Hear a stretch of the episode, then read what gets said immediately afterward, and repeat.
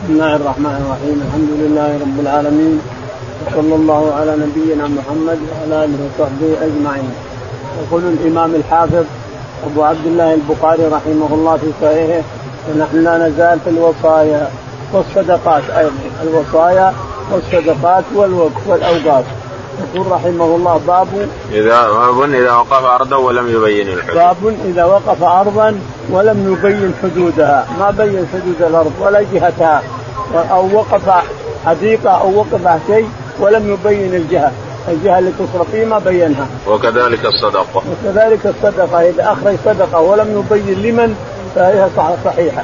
أخرج صدقة ولم يبين لمن هذه الصدقة فهي صحيحة.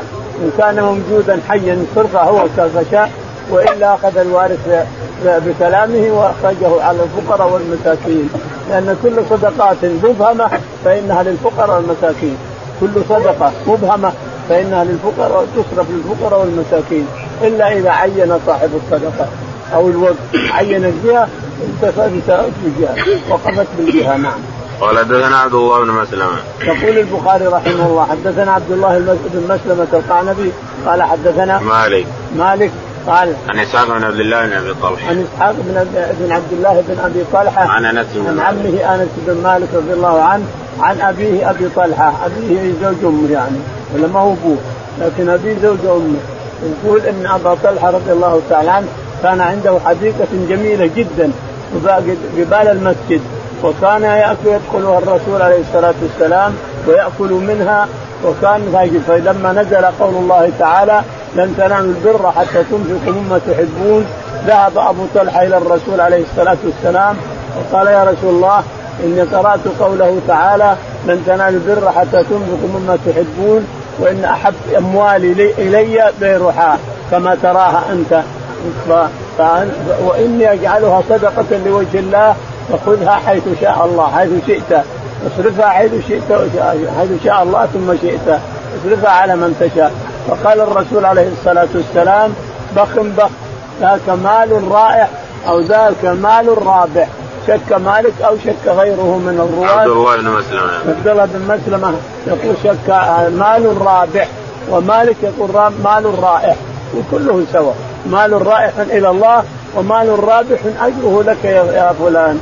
والشاهد قال إني سمعت ما قلت ما قلت وإني أرى أن تصرفها في اقاربك عيال عمك اقاربك الذي يدلون لك بالعصبة. فقال سأفعل يا رسول الله. فجعلها على حسان وأبي بن كعب. نعم. قال رحمه الله دثنا محمد بن عبد الرحيم قال أخبرنا روح بن عبادة قال دثنا زكريا بن اسحاق قال دثني عمرو بن دينار عن عكرمه بن عباس رضي الله عنهما إن رجلا قال لرسول الله صلى الله عليه وسلم انه توفيت أينفعها إن تصدقت عنها؟ قال نعم قال فإن لي مخرافا أرشدك عني قد تصدقت عنها. يقول البخاري رحمه الله حدثنا محمد بن عبد الرحيم محمد بن عبد الرحيم قال حدثنا روح بن عبادة روح بن عبادة قال حدثنا زكريا بن إسحاق زكريا بن إسحاق قال عن عمرو بن دينار. عن عمرو بن دينار. عن عمرو بن دينار. عن عكرمة عن ابن عباس. عن عكرمة عن ابن عباس رضي الله عنهما قال أن رجلا قال لرسول الله صلى الله عليه وسلم ان امه توفيت ينفعها إن رجلا ومرنا أنه سعد بن عبادة رضي الله عنه رئيس الخزرج. قال إن أمه توفيت ولم توصي. هل ينفعها أن أوصي عنها يا رسول الله؟ قال نعم أوصي عنها. يقول فأوصى في خليل مخراف له حديقة يعني أوصى بها للفقراء والمساكين. أوصى في مخرف للفقراء والمساكين. نعم. باب إذا اوقف جماعة أرضا مشاعا فهو جائز. قال رحمه الله دثنا مسدد قال دثنا عبد الوارث بن التياح عن أنس رضي الله عنه قال أمر النبي صلى الله عليه وسلم ببناء المسجد فقال يا بني النجار ثامنوني بحائطكم هذا. قالوا لا والله لا نطلب ثمنه إلا إلى الله. حديث ابي طلحة. اخبره الرسول أنه يجعله في أقارب ليكون صدقة وصلة. هذا السر. ليكون صدقة وصلة. هو صدقة. بيرحاء صار صدقة لوجه الله وصلة رحم. صار صدقة وصلة. هذا السر يكون قال له اجعلها في أقاربك لتحصل على الصدقة والصلة. يصير لك أجرين. صدقة صدقة صدقت على أقاربك. وصله قد وصلت اقاربك فتحصل على أجرين حسنتين من الله تعالى وتقدم يقول البخاري هنا باب باب إذا وقف جماعة أرضا مشاعة باب إذا وقف جماعة أرضا مشاعة بينهم يعني ما قسمت. هذا الأرض بيني وبين ثلاثة أربعة خمسة وردنا أن نوقفها نحن بالجميع. جاز هذا. يكتبون الوقف الخمسة والثلاثة والأربعة. يجوز هذا. قال حدثنا مسدد. حدثنا مسدد. قال حدثنا عبد الوارث. عبد الوارث. قال حدثنا أبو التياح. أبو التياح يزيد.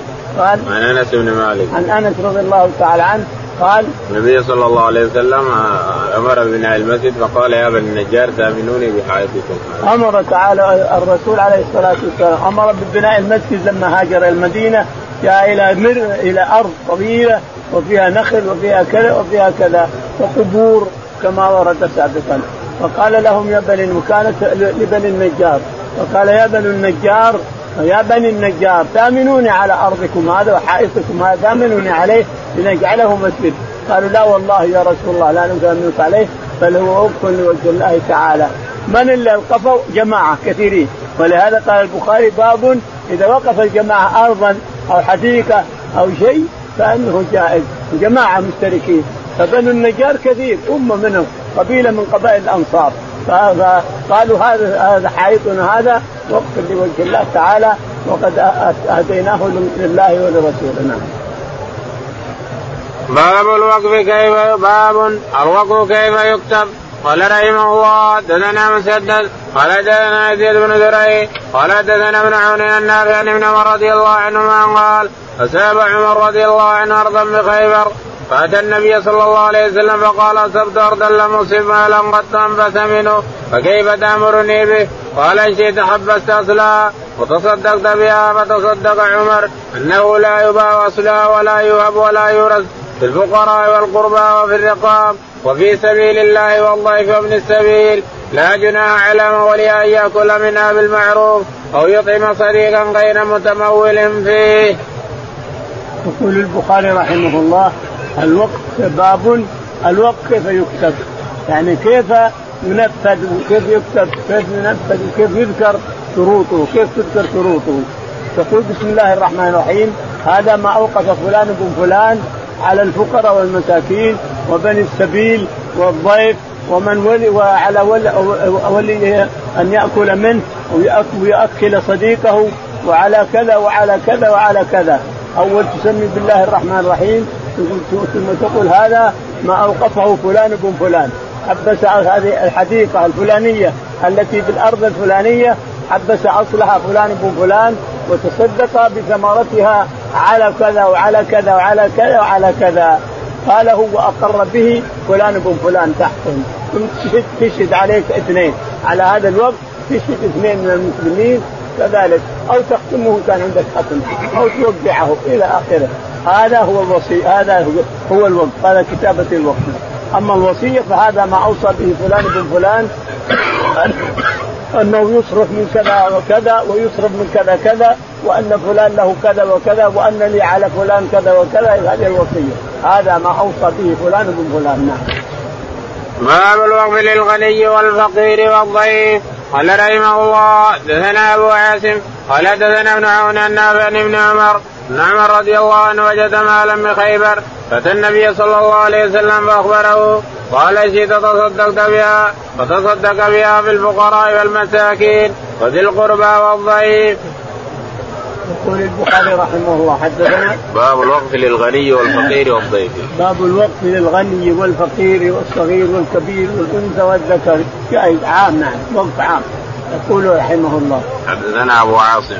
حدثنا أبو عاصم قال حدثنا عبد الله بن عون. عبد الله بن عون قال حدثنا نافع عن ابن عمر. نافع عن ابن عمر نعم. أن عمر وجد مالا بخيبر فاتى النبي صلى الله عليه وسلم. ان عمر وجد مالا بخيبر اشتراه ليس من السهام.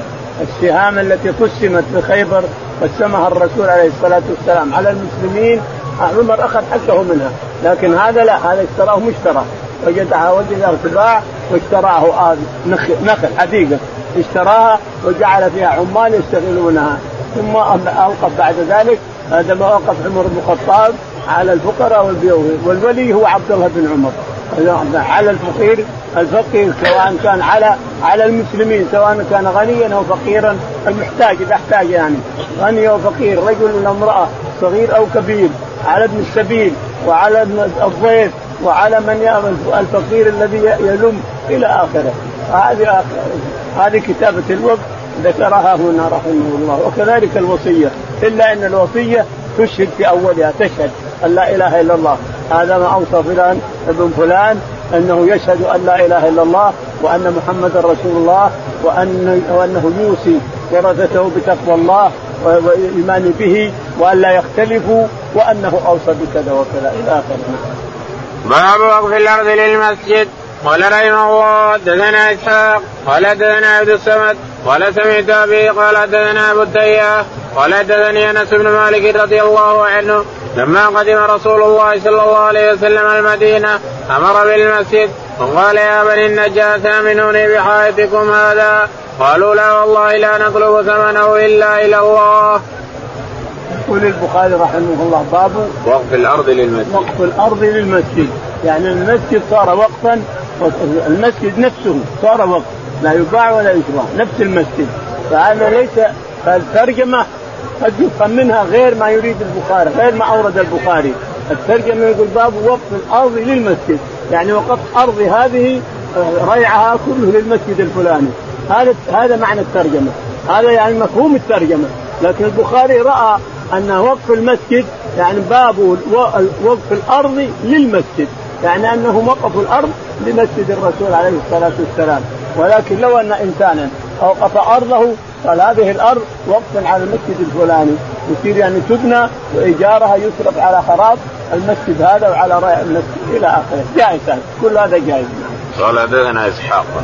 يقول رحمه الله حدثنا إسحاق قال حدثنا عبد الصمد بن عبد الوارث. عبد الصمد بن عبد الوارث عن أبيه.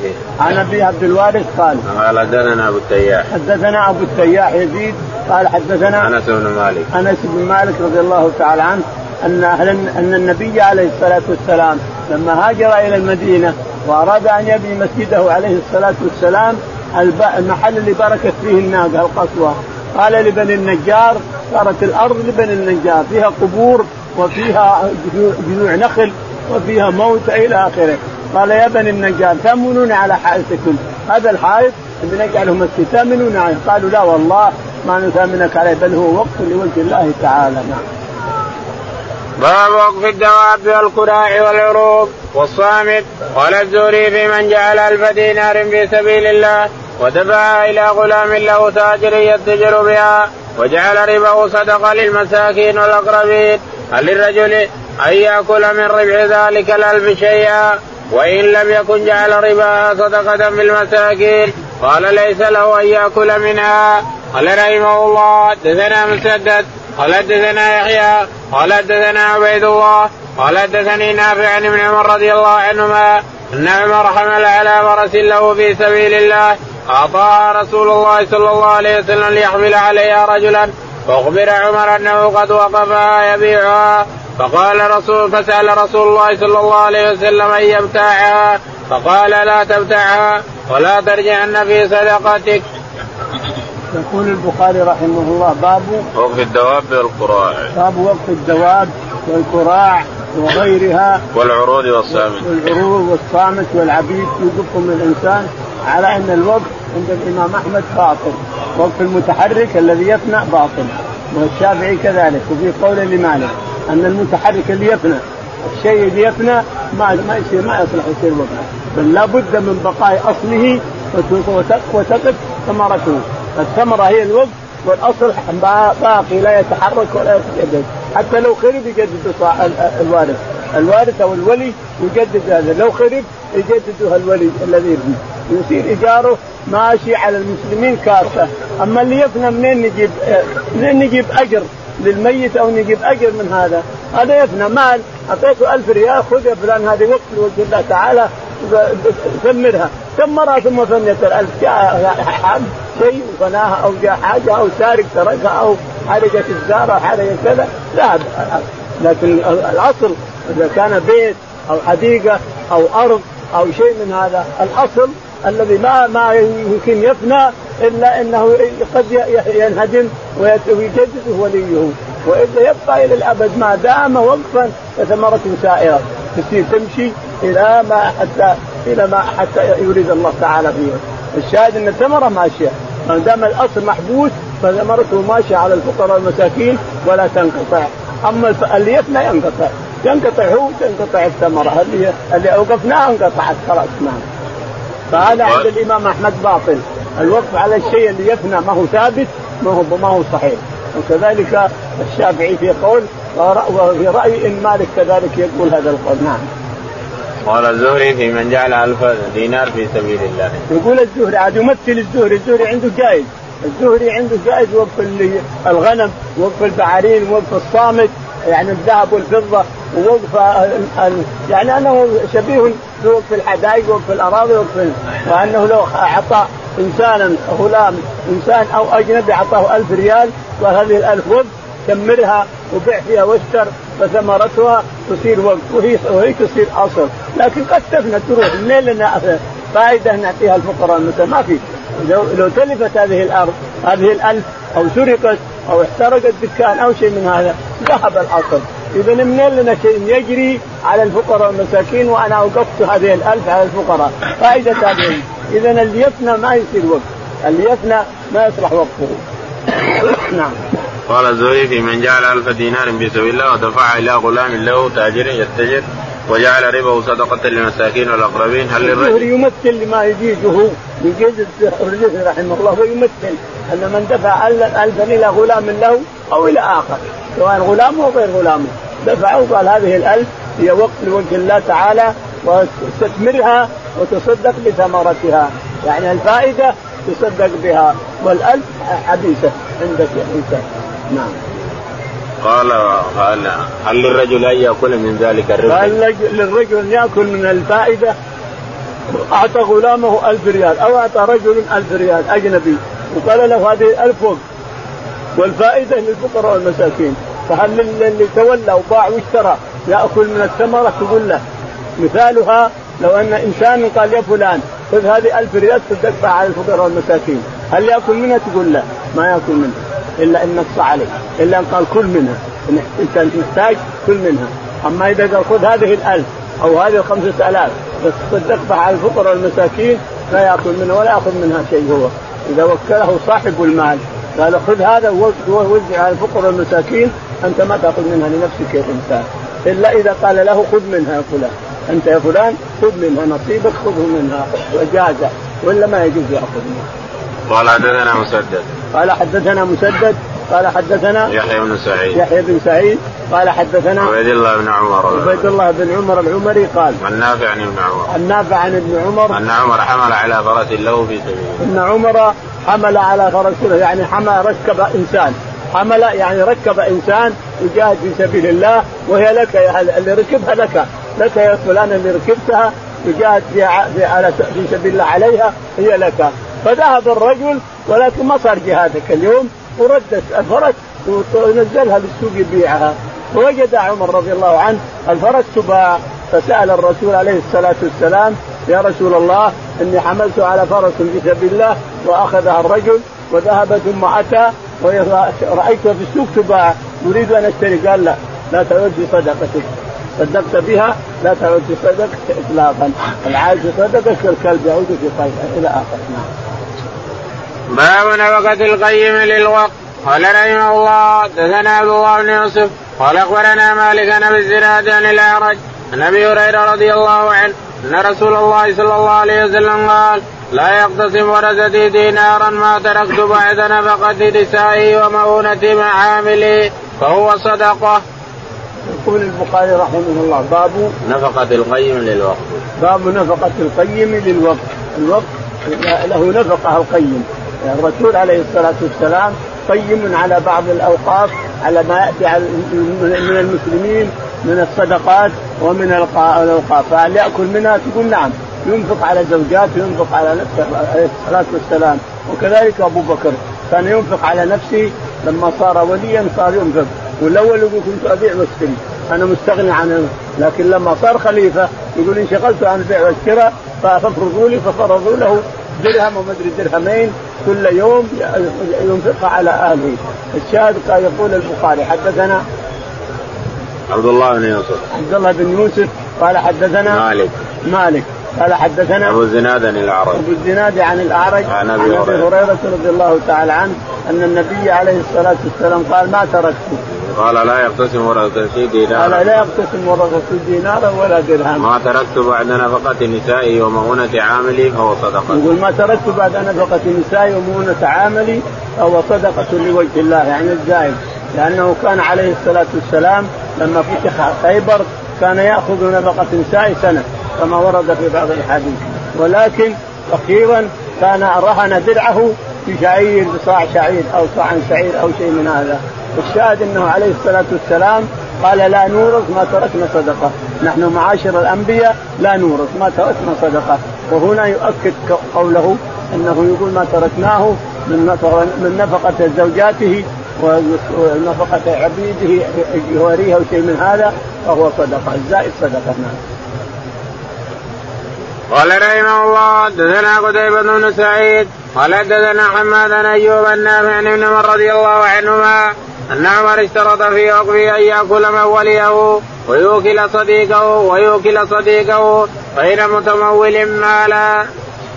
يقول البخاري رحمه الله حدثنا قتيبة بن سعيد. قتيبة بن سعيد الثقفي قال حدثنا حماد بن زيد. حماد بن زيد قال حدثنا أيوب. أيوب السختياني قال حدثنا النافع عن ابن عمر. نافع عن ابن عمر أن عمر بن الخطاب رضي الله عنه جعل للناظر الناظر على وقته أن يأكل ويؤكل صديقه يأكل هو ويؤكل صديقه غير حامل شيء. ما تحمل شيء لا تمول شيء لا تأخذ مال منه. إنما تأكل وتؤكل صديقك أنت يا الناظر وتؤكل ما تركه عمر. اللي نص عليهم عمر. من الفقراء والمساكين والسجناء وابن السبيل وغيره تنفذه وما زاد تفعل ما تشاء يا الناظر. الناظر أما تحبسه إلى حتى يجوع الناس ويحتاجون ثم تنفقه أو تنفقه بساعته كيف نعم باب إذا وقف ارضا أو بيرا واشترط لنفسه مثل دلاء المسلمين وأوقف أنس دارا فكان إذا قدم نزل وتصدق الزبير بدوره. وقال للمردودة من بناته أن تسكن غير مضرة ولا مضر بها فإن استغنت بزوج فليس لها حق. وجعل ابن عمر نصيبه من دار عمر سكنى لذوي الحاجة من آل عبد الله. يقول رحمه الله باب إذا وقف أرضا أو بئرا واشترط لنفسه. إذا وقف أرضا أو بئرا واشترط لنفسه دلوا مع الناس. دلوي يشرب مع الناس دلوي مع الدلة ويشرب مع الناس. فله ذلك جاز له ذلك إذا وأوقف أنس دارا فكان إذا أوقف دارا أنس أوقف دارا بالمدينة حينما سكن البصرة وصار إذا أتى إلى المدينة سكن سكنها أوقفها بالمدينة وسكن البصرة. لما يأتي إلى هنا أما زائر المدينة أو زائر مكة في طريقه إلى المدينة يسكن الدار التي وقفها أنس بن مالك رضي الله عنه. وتصدق الزبير بدوره وقال الزبير تصدق بدوره واشترط أنه لا, لا تسكنه المرأة المطلقة أو المرأة البنت اللي مطلقه أو البنت التي ما ما تزوجت أو تزوجت وطلقت يسكنه. أو زوجة زو من زوجاته تسكنه أيضا. يعني اشترط أنها تسكن بنتي إذا طلقت أو كانت لم تتزوج تتزوج. غير مضرة ولا مضرة غير مضرة. هي ما تضر بالدور هذه اللي تسكنها ولا مضرا ولا مضرا بها. لا هي تضر ولا يضرها من أراد يسكنها. لا تضار لا تضر ولا تضار. بل تسكن بالمعروف لا تفسد ولا يضايقها ما دامت محتاجة إلى هذه الدار. نعم. فإن استغنت بزوج فليس لها حق. فإن تزوجت واستغنت بزوج فليس لها حق في السكنى ما تسكن وهي متزوجه ياخذها زوجها إلى بيته وجعل ابن عمر نصيبه من دار عمر سكنى لذوي الحاجة من آل عبد الله. وجعل عبد الله بن عمر نصيبه من دار عمر اللي ورثه من دار عمر لأن خلف عبد الله بن عمر وخلف عبيد الله وخلف عاصم وخلف ثلاثة أظن وبنات. قال عبد الله قال جعل نصيبه لمن احتاج من البنات وغيرها إلى يسكنه نعم. قال رحمه الله وقال عبدان أخبرني أبي عن شعبة عن أبي إسحاق عن أبي عبد الرحمن ان عثمان رضي الله عنه حيث يسر أشرف عليهم وقال أنشدكم بالله ولا أنشدكم إلا أصحاب النبي صلى الله عليه وسلم ألستم تعلمون أن رسول الله صلى الله عليه وسلم قال من حفر روما فله الجنة فحفرتها ألستم تعلمون أنه قال من جهز جيش العسرى فله الجنة فله الجنة فجهزتهم. قال قال فصدقوا بما قال وقال عمر في وقفه لا جناح على من ولي أن يأكل وقد يليه الواقف وغيره وهو واسع لكل. يقول البخاري رحمه الله باب تابع للباب. تابع حدثنا؟ عبدان عثمان بن عبد الله. عبد الله بن جبل قال حدثنا عن ابيه عن أبي عبد الله قال عن شعبة. عن شعبة قال عن أبي إسحاق. عن أبي إسحاق السبيعي قال عن أبي عبد الرحمن الحبولي عن أبي عبد الرحمن الحبولي قال أن عثمان رضي الله عنه حيث حصر أشرف عليهم قال يقول عثمان بن عفان رضي الله تعالى عنه قتل ظلما رضي الله عنه وأرضاه. اللهم ارفع منازله في عليين عثمان قتل ظلما وحجره البغاة نعوذ بالله. جاءوا من كل مكان. السراق البغاة هم الذي حجروه في داره حتى الشرب ما يشرب من البير روما الذي هو حفرها بنفسه. حفرها بنفسه منعوه من الشرب منها. حسبي الله ونعم الوكيل. حسبنا الله ونعم الوكيل. الشاهد يقول نعم. قال أنشدكم ولا أنشد إلا أصحاب النبي صلى الله عليه وسلم. صلى على الناس مع الطاقة. والناس مجتمعين تحت داره قال أيها الناس أنشدكم بالله ولا أنشد إلا أصحاب النبي عليه الصلاة والسلام. أو قال الرسول من حفر روما وتركها دلو مع الجلة غفر الله. فله الجنة. فله الجنة. هل تعلمون هذا؟ قالوا اللهم نعم. قال الصحابة اللي حضروا من المهاجرين الأنصار اللهم نعم. نشهد بهذا أن الرسول قال هذا. قال أنشدكم الله أن الرسول عليه الصلاة والسلام قال من جهز جيش العسرة فله كذا وكذا وجهزت جيش العسرة ب 300 بعير وأحمالها وأكتابها. هل فعلت هذا؟ قال اللهم نعم. يعني ليش تحصروني؟ ليش تريدون قتلي وأنا فعلت هذا؟ والرسول استحثني وأفعل. استحث المسلمين كافة وأفعل أن هذه الفعل ليه القتل على أي شيء. قتل الرسول عليه الصلاة والسلام أخبر به عليه الصلاة والسلام. قال إنك تطالب بنزع قميص فلا تفعل. لأن عليك قميص فتطالب بنزعه فلا تفعل. ولما استأذن قال بشره بالجنة على بلوى تصيبه. هذه البلوى اللي وقع بها نعوذ بالله البغاة الذي قتلوه صبرا قتلوه في داره وامرأته عنده. من الله ونعم الوكيل. حسروه حسروه أيام ثم بعد نقزوا على داره وقتلوه. البغاة بغاة نعوذ بالله نعم. باب إذا قال الواقف لا نطلب ثمنه إلا إلى الله فهو جائز. قال رحمه الله دثنا مسدد قال حدثنا عبد الوارث بن التياح عن أنس رضي الله عنه قال النبي صلى الله عليه وسلم يا بني النجار ثامنوني بحائطكم قالوا لا نطلب ثمنه إلا إلى الله. يقول البخاري رحمه الله مكررا الحديث هذا. حدثنا؟ باب إذا قال الواقف لا نطلب إذا قال الواقف لا نطلب ثمنه إلا إلى الله جاز. يعني لو قال نريد هو إلى الله جاز. لو قال هو لله جاز. لو قال هو وقف إلى إلى رب العالمين جاز. لو قال هو لربنا جاز. أي لفظ من ألفاظ الوقف الذي تنبئ أنه أوقفه لله جاز. يقول البخاري حدثنا آه مسدد. مسدد. قال حدثنا عبد الوارث. عبد الوارث قال عن أبي التياح. عن أبي التياح قال عن أنس بن مالك. عن أنس رضي الله تعالى عنه أن النبي عليه الصلاة والسلام لما قدم المدينة أتى إلى حائط بني النجار فقال يا بني النجار ثامنوني. فيه جذوع نخل وفيه موتى. وكذا ثامنوني يا بني النجار فقالوا والله ما نطلب ثمنه إلا إلى الله. وصار المسجد وقف كله. ونبش القبور بعدها عنه وأخذ النخيل أخذ النخل جذوع النخل وحطه جدران له عليه الصلاة والسلام. شيء أوقفه صار عمود وشيء صار له جيب وشيء صار له عظم إنما بني مسجد الرسول بجذوع النخل. بني عليه الصلاة والسلام بجذوع النخل وسقف بالحصلات حصلات النخل نعم.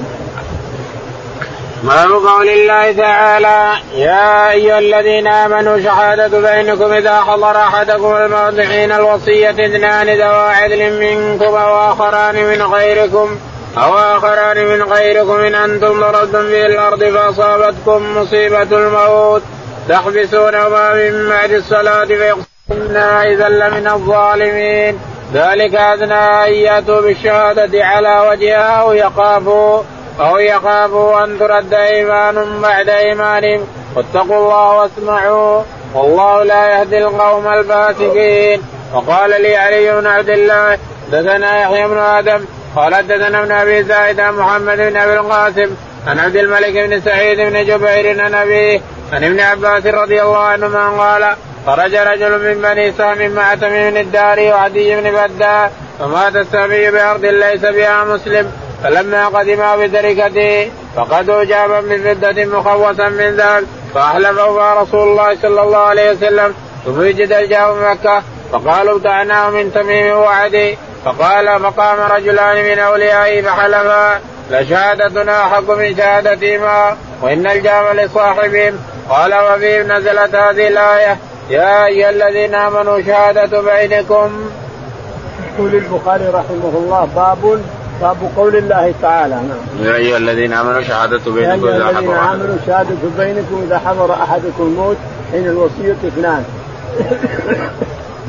ذوى عدل منكم أو آخران من ذوى عدل منكم أو آخران من غيركم إن أنتم ضربتم يعني سافرتم إن أنتم ضربتم في الأرض فاصابتكم مصيبة الموت تحبسونهما بعد الصلاة بعد صلاة العصر. إن كان بالمدينة عند مسجد الرسول وإن كان بمكة عند الكعبة وإن كان بأحد المساجد فعند المحراب بعد العصر. تحبسونها بعد الصلاة فيقسمان بالله لشهادتنا حق من شهادتهما وما اعتدينا إن إذا لمن الآثمين. فإن عثر على أنهما استحقا إثما يعني كذبا عثر على أنهما كذبا فآخران يقومان مقامهما من أولياء المقتول. اللي قبل اللي اتهموا. الاثنين الأولين اتهموا بأخذ بالسرقة. والثاني والآخرين أولياء المقتول يحلفون على أن هؤلاء هم الذي أخذوا سرقة ميتنا ودسوها. فتبطل شهادة الأولين وتقوم شهادة الآخرين لا سيما إذا كان هناك شاهد فيها. يقول البخاري رحمه الله وقال لعلي بن عبد الله المديني. وقال علي بن عبد الم... وقال لي علق الحديث عن شيخه علي بن المديني إنه قال حدثنا يحيى بن آدم. يقول حدثنا يحيى بن آدم قال حدثنا ابن أبي زايدة. ابن أبي زايدة قال عن محمد بن أبي القاسم. عن محمد بن أبي القاسم قال عن عبد الملك بن سعيد بن جبير. عن عبد الملك بن سعيد بن جبير عن أبيه عن أبيه سعيد بن جبير عن ابن عباس. عن ابن عباس رضي الله عنهما أن تميم بن أوس الداري تميم هذا له ثلاث قصص أو أربع قصص.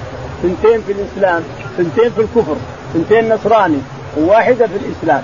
ثلاث قصص لتميم بن أوس الداري اثنتين وهو نصراني وواحده وهو مسلم بعد ما أسلم.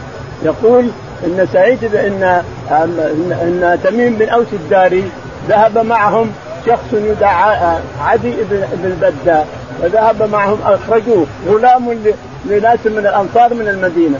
أخرجوه إلى الشام معهم ومعه بضاعة كبيرة وفي البضاعه جام. جام يعني جيك. جيك من فضة مخوص بالذهب. يعني محطوط خارجه ذهب مخوص كذا هذا خيط وهذا خيط وهذا خيط وهذا من الذهب الأحمر الخارج. والجام من الفضة. أخرجوه مع الغلام ليبيعه بالشام يأتيهم بثمنه. لكن الغلام مات قعد ياخذه إلى مات. لما مات أخذوا عدي بن البدة وتميم اخذوا الجام ولما رجعوا أعطوا الأنصار التركه كلها إلا الجام قالوا طيب فيها الجام وين هو؟ قالوا ما ندري. ما تدري كيف ما؟ قالوا ما ندري. فأحلفهم الرسول عليه الصلاة والسلام على هذا. أحلف تميم وعدي بن البدة أنهم ما رأوا الجام ولا اخذوه ولا سرقوه. فحلفوا. ثم بعد ذلك وجد الجام بمكة. بيع الجام بمكة بألف درهم. فقالوا من شرى؟ قال تميم بن أوس الداري شرناه من تميم. فأتي بتميم وصار كاذبا وحلف أنه ما فعل أو ترك أو شيء من هذا. الشاهد أن تميم صار هو الذي أخذ الجام وباعه بمكة إلى آخره. هذه قصة. القصة الثانية أنه ذهب مع السفينة هو بعض رفقته فانكسرت السفينة. فجلس على لوح هو اثنين أو ثلاثة وذهبت بهم إلى إلى الدجال في خراسان الآن. الدجال كما في مسند الإمام أحمد عن عن تميم بن أوس أنه في صحراء أفغانستان هذه يسمونها أفغانستان صحراء بر. الدجال موجود فيها وكذلك الدابة موجودة فيها عنده. وأنهم دخلوا على الدابة وجدوها كاسيها الشعر هي عريانة ولكن الشعر كاسيها من قدام ومن وراء وتنطق بلغة عربية. قالوا من من في هنا؟ قالت في واحد يبيكم يبي يتكلم معكم. أدخلتهم على الدجال مكتف ومنتفخ حاور العين اليمنى ومبصر العين اليسرى كانها كوكب. ثم سألهم أسئلة. من هذا بحيرة طبرية الموجود فيها؟ قالوا موجود. منها نخل بيسان يطلع يطلع. ما نبي العرب بعث نبي العرب بعث. منها كذا منها كذا إلى آخره. ثم خرج تميم وأتى إلى المدينة وأخبر الرسول عليه الصلاة والسلام بقصة الدجال. فقال الرسول عليه الصلاة والسلام قام على المنبر ونادى الناس ثم قال يا تميم قم قص لنا ما شهدت من الدجال والدابة. فقص القصة كلها بكاملها. فصار الرسول تلميذا له في هذه القصة. هذه اثنتين أما الثالثة ففي الإسلام. وجاء واسلم جاء وأسلم.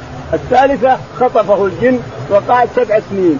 واستفتت امرأة عمر بن الخطاب فقال استعدي أربع سنوات للمفقود وأربعة أشهر وعشرة أيام للعدة. فإذا فعلت هذا تزوجي من شئت. فأتاها شخص بعدما استعدت وتزوجت وجلس تميم سبع سنين عند الجن. جاء جن, جن المسلمون وقاتلوا الجن الكفار هذولا وأخذوا تميم منهم. ثم قالوا قالوا له تريد أن نخرجك إلى ديارك وبلدك أو تريد أن تبري أولادنا أولادنا قال اخرجوني فأخرجوه مثل الدين شعر وكذا كذا لو طرق بابه خرجت المراه من انت؟ قال أنا تميم. قالت لا أريدك. فراحت راحوا عمر قال اختر. تبي المراه ولا تبي صداق؟ قال ابي صداقي فأخذ الصداق إلى آخره. قال فقام رجلان من أوليائه فحلفا لشهادتنا احق من شهادتهما وإن الجامع لصحيح. ثم يقوم اثنان من أوليائه فيقسمان لشهادتنا الأنصار قسموا حلفوا أن شهادتنا أولى من شهادة تميم وعدي بن الدجال أولى منهما وأننا صادقين وأن الجام معهم. مع الرجل لما مات في الطريق هو معهم. بعد ذلك وجد هذا قبل يوجد حلفوا قبل يوجد فلما وجد خلاص. صار كذا صار ثابت هو اللي معه باب قضاء الوصية دون الميت بغير مخضر من الورثة. قال رحمه الله دثنا محمد بن السابق والفضل بن يعقوب عن قال حدثنا شيبان ابو معاوية عن براس قال قال الشعبي حدثني جابر بن عبد الله الأنصاري رضي الله عنهما أن ابا استشهد يوم أحد وترك ست بنات وترك عليه دينا فلما حضر جداد النخل أتيت رسول الله صلى الله عليه وسلم فقلت يا رسول الله قد علمت أن والد استشهد يوم أحد وترك عليه دينا كثيرا وإني أحب أن يترك أن يراك الغرماء.